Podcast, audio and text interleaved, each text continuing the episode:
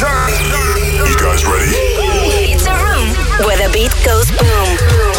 Holt gaat een uur lang live voor je spelen. En het is echt meer een mini-concert. Geniet het komende uur. The Boom Room.